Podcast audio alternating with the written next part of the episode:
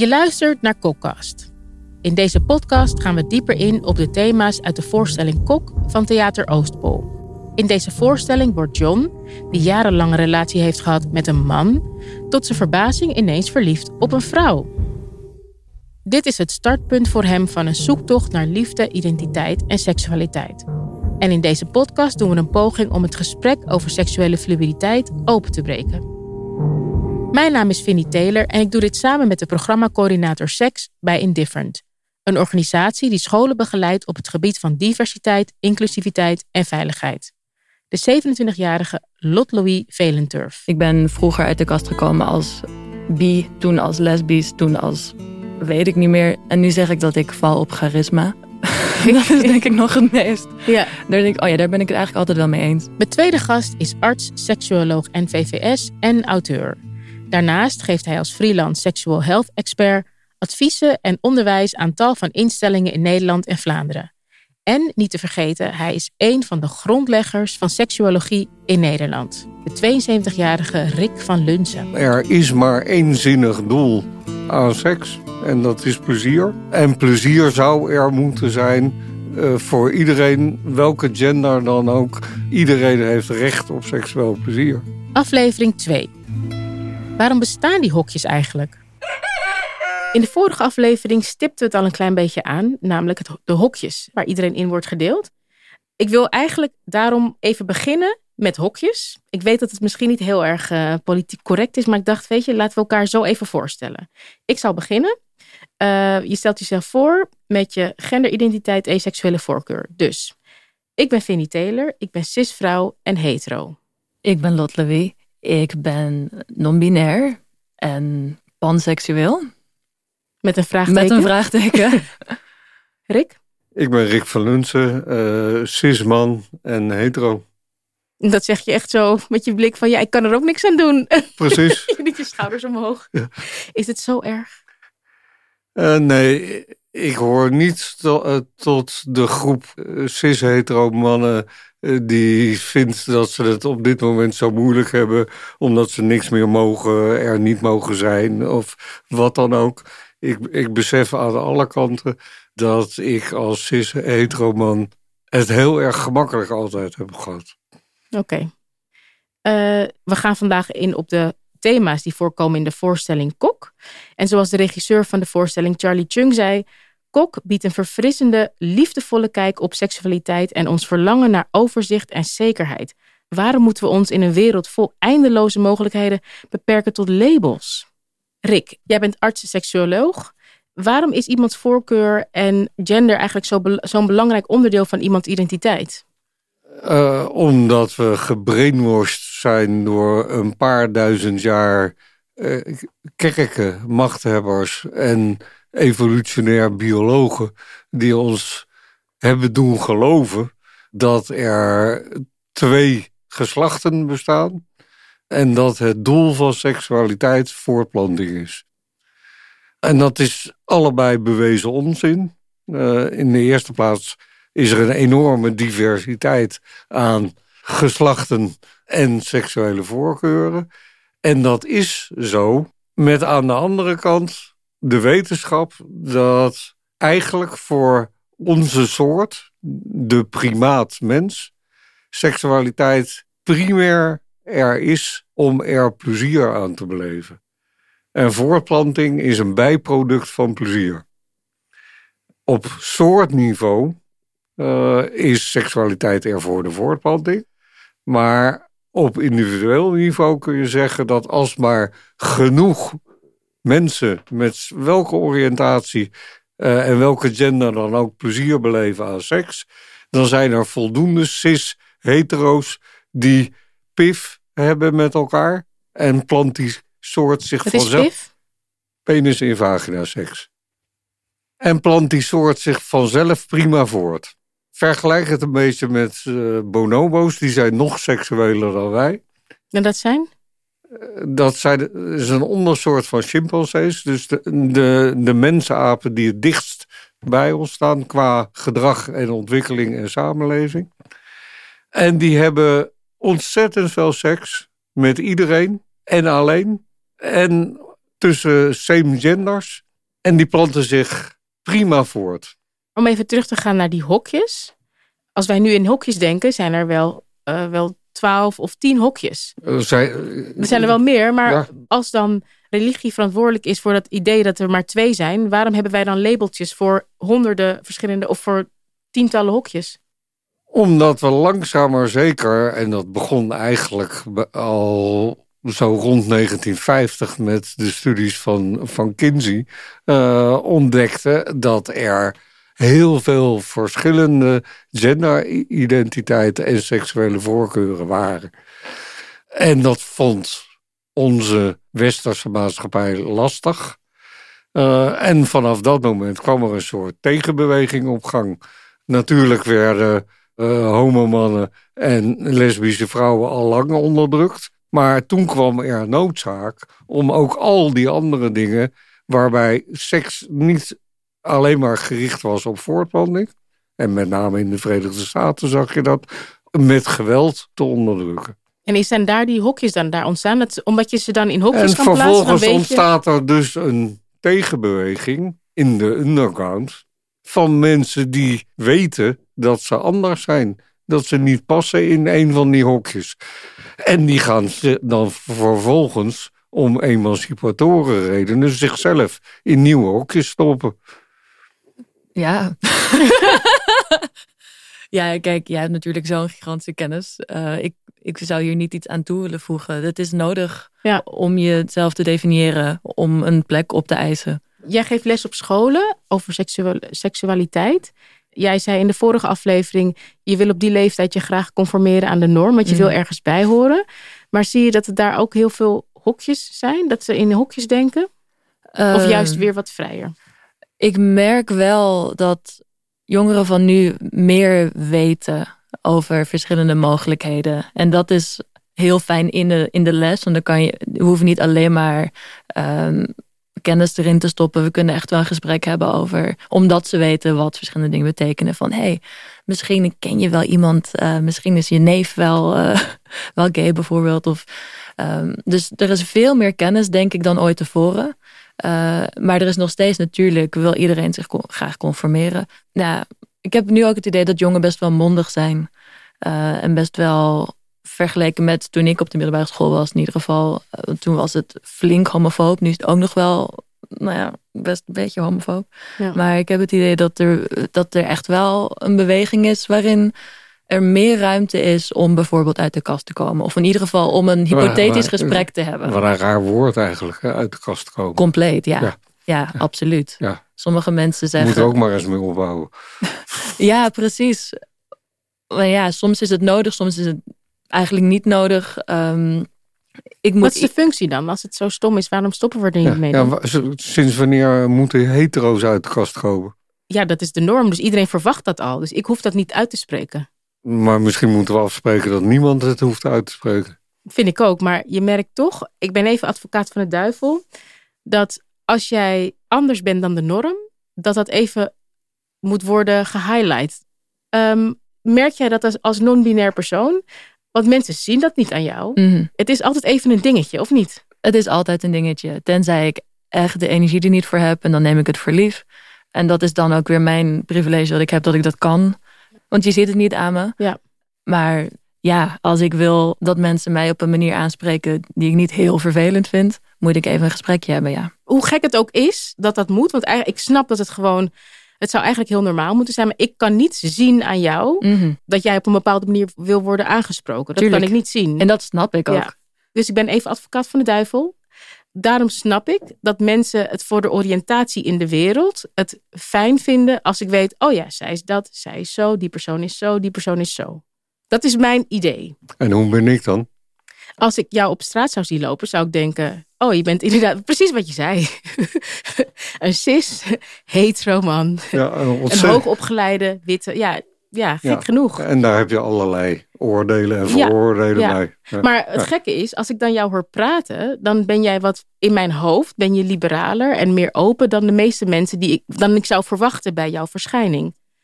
Hokjes zijn in, in die zin een soort van tool om je te oriënteren in de wereld, naar mijn idee. Maar je moet er niet van uitgaan dat alles waar, wat jij denkt van de persoon, Dat je die persoon ook Nee, precies, moet maar gedragen. waar het dus uiteindelijk om gaat, dat iedereen aan iedereen eigenlijk zou kunnen vragen: wie ben jij? Ja. Als je het terughaalt naar jouw eerste vraag, waarom is die seksualiteit zo belangrijk voor de meeste mensen? Eh, bijna alle mensen zijn geïnteresseerd in, in seksualiteit, behalve die A, dat, dat hokje. Wat willen mensen met seks bereiken? En ook dat is grappig. Welke, naar welke gender je ook kijkt, naar welke seksuele oriëntatie ook, ook kijkt, mensen hebben eigenlijk altijd twee doelen als het gaat om seksualiteit. En twee doelen die nauwelijks met elkaar te verenigen zijn. Dus de ene is lust, nou, dat is een puur hedonistische wens. En de andere is verbinding. En dat maakt dat hoofdstuk seksualiteit zo ingewikkeld. Ja. Eh, en dat betekent dus dat mensen geneigd zijn om die lustcomponent voorop te zetten of de verbindingscomponent. En er heel vaak niet in slagen om beide doelen te verenigen. En dat maakt het zo ingewikkeld. Dat maakt het tussen mannen onderling in, de MSM-wereld net zo ingewikkeld als in de hetero-wereld waar cis-mannen met cis-vrouwen seks hebben. En dat vind ik nou juist het leuke aan dat hele vak seksualiteit. Om het gesprek tussen mensen op gang te brengen van hoe krijg je het in godsnaam voor elkaar om die twee dingen die je allebei wil, om dat een beetje op een fatsoenlijke manier in de dialoog voor elkaar te krijgen. Ja. En dat zul je op school ook merken. Het grote probleem rond seksualiteit is dat die dialoog tussen al die mensen die verschillend zijn, maar niet op gang komt. Ik bedoel niet in de gemeenschap, maar gewoon tussen de Te- groepen. Tussen de groepen, binnen de gemeenschap, binnen relaties. Overal is het precies hetzelfde. Tuurlijk, zolang er homofobie is, maar ook seksisme op het moment. Op het moment dat ik homoseksualiteit probeer te normaliseren in de klas, dan krijg je ineens dat, dat er een bepaald soort onderliggend seksisme omhoog komt. Wat eigenlijk, eigenlijk moet je het dan daarover gaan hebben, omdat dat Ja. een veel dieper liggend eh, nou ja, ongelijkheidsprobleem is, waar heel veel vooroordelen aan hangen.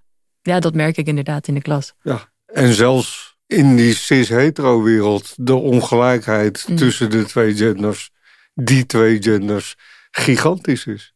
Nog steeds is het zo, anno twe- 2023, dat cis-hetero meisjes die seks hebben met cis-hetero, zogenaamde cis-hetero jongens, bijna altijd alleen maar pif hebben. En dat 20% van die jonge meiden, ook anno nu, nog steeds altijd pijn heeft bij seks.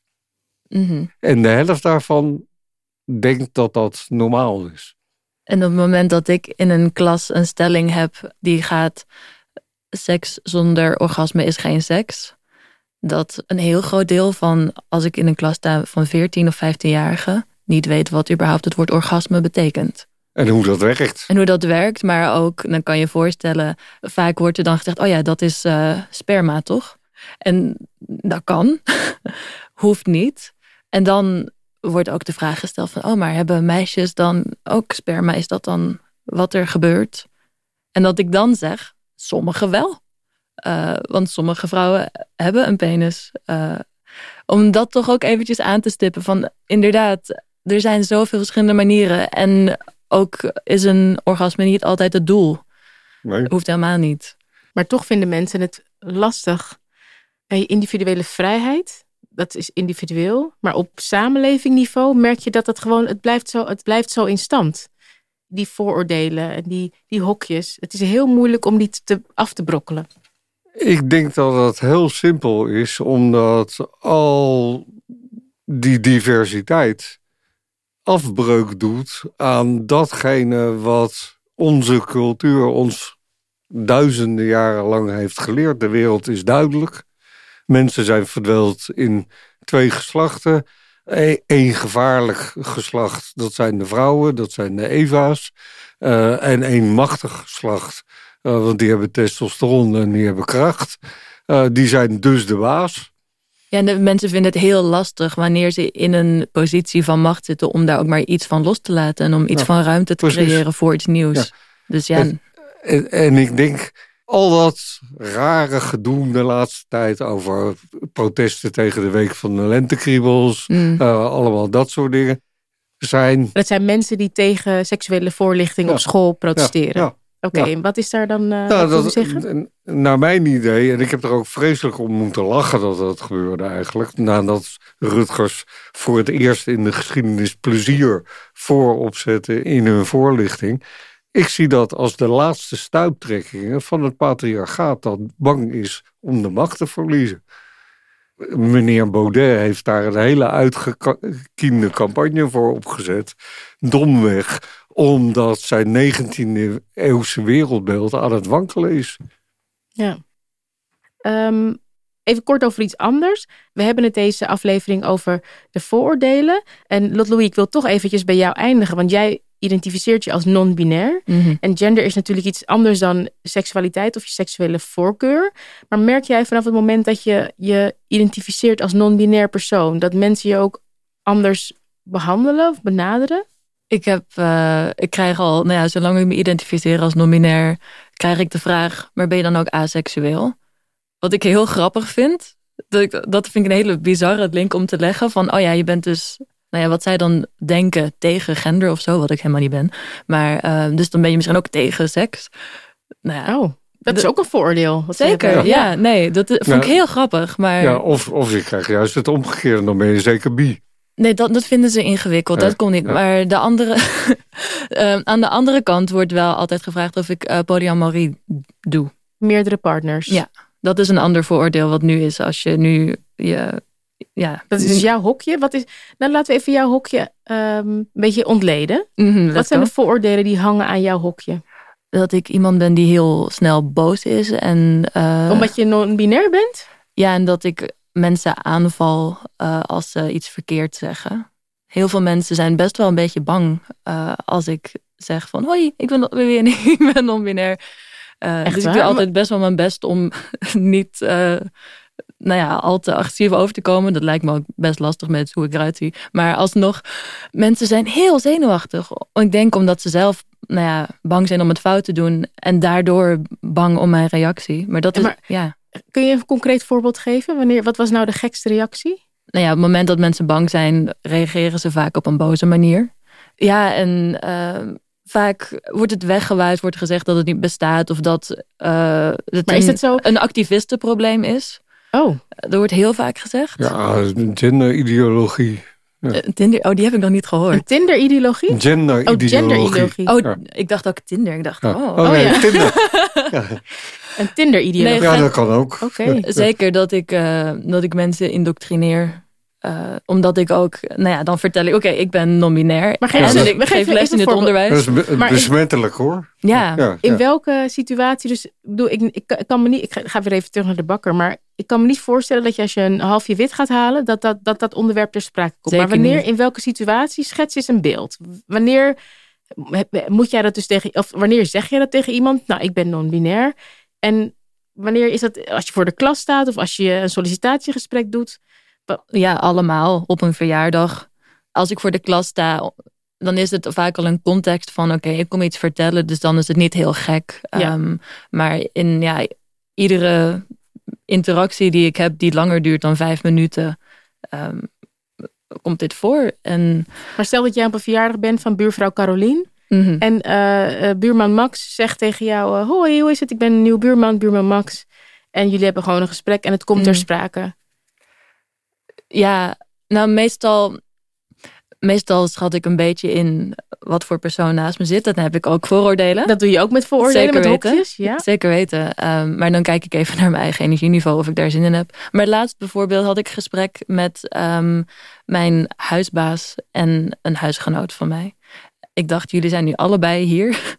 Laat ik even uit de kast komen. Want er werd volop gezeihaard. En ik dacht, oh, ik vind het eigenlijk heel vervelend. Want ik ben nu gewoon thuis. Oh, en ik vind het in mijn eigen huis vind ik het prettig om juist gegenderd te worden. Dus toen kwam ik uit de kast. En verbazingwekkend genoeg was mijn huisbaas die bleek uh, zelf gay te zijn en die heeft vroeger voorlichting ook gegeven. Dus die was veel progressiever dan ik had gedacht. En mijn huisgenoot, die veel jonger was, die had flink moeite met nou ja, mijn identiteit. En hij vroeg ook van oké, maar ik vind het heel ingewikkeld, hè, maar kan ik dan anders gewoon wel zij haar zeggen, maar dat ik dan weet dat jij dat niet bent. toen dacht ik, nee, nee, dat kan niet. Sorry, ik vind het wel heel fijn als je het probeert, zei ik toen. Maar nee, dat is wel een soort nog hele lieve interactie. Hij was ook niet bang voor mij op dat moment. Maar uh, op het moment dat ik een docententraining geef bijvoorbeeld... merk je dat daar het vooroordeel wel is van... oh ja, dit is een persoon die mij de les komt lezen... vanuit een activistisch, ideologisch uh, gedachtegoed. Ja. Oké. Met andere woorden, er hangen eigenlijk best wel veel vooroordelen... ook aan jouw hokje. Had jij dat ook verwacht, Rick? Zoveel vooroordelen? Ze zal wel boos zijn? Die had ik nooit gehoord. Die zou ik niet bedacht hebben. Nee, nee, nee. ik ook niet. Nee ik snap wel dat er allerlei ingewikkelde vooroordelen zijn als iemand niet in de, een van de twee standaardhokjes valt. Je luisterde naar aflevering 2 van Kokkast. In de volgende aflevering praten we verder over de ingewikkelde vooroordelen waar Lot Louis het net over had. Het is nog steeds zo dat op het moment dat je op een non-binaire manier wilt transitioneren, dat je eigenlijk daar een beetje over moet liegen. En waar lieg je dan over? Ja. Op het moment dat ik heel fluide ben in mijn genderidentiteit, maar ik zou wel bijvoorbeeld een borstoperatie willen. En als ik zeg van ja, nou mijn gender wisselt nog wel eens, maar uh, dan helpt het gewoon om, en dat is heel naar, maar om, dan te om te liegen en te zeggen nee, ik ben uh, transman en ik wil dit. Ja.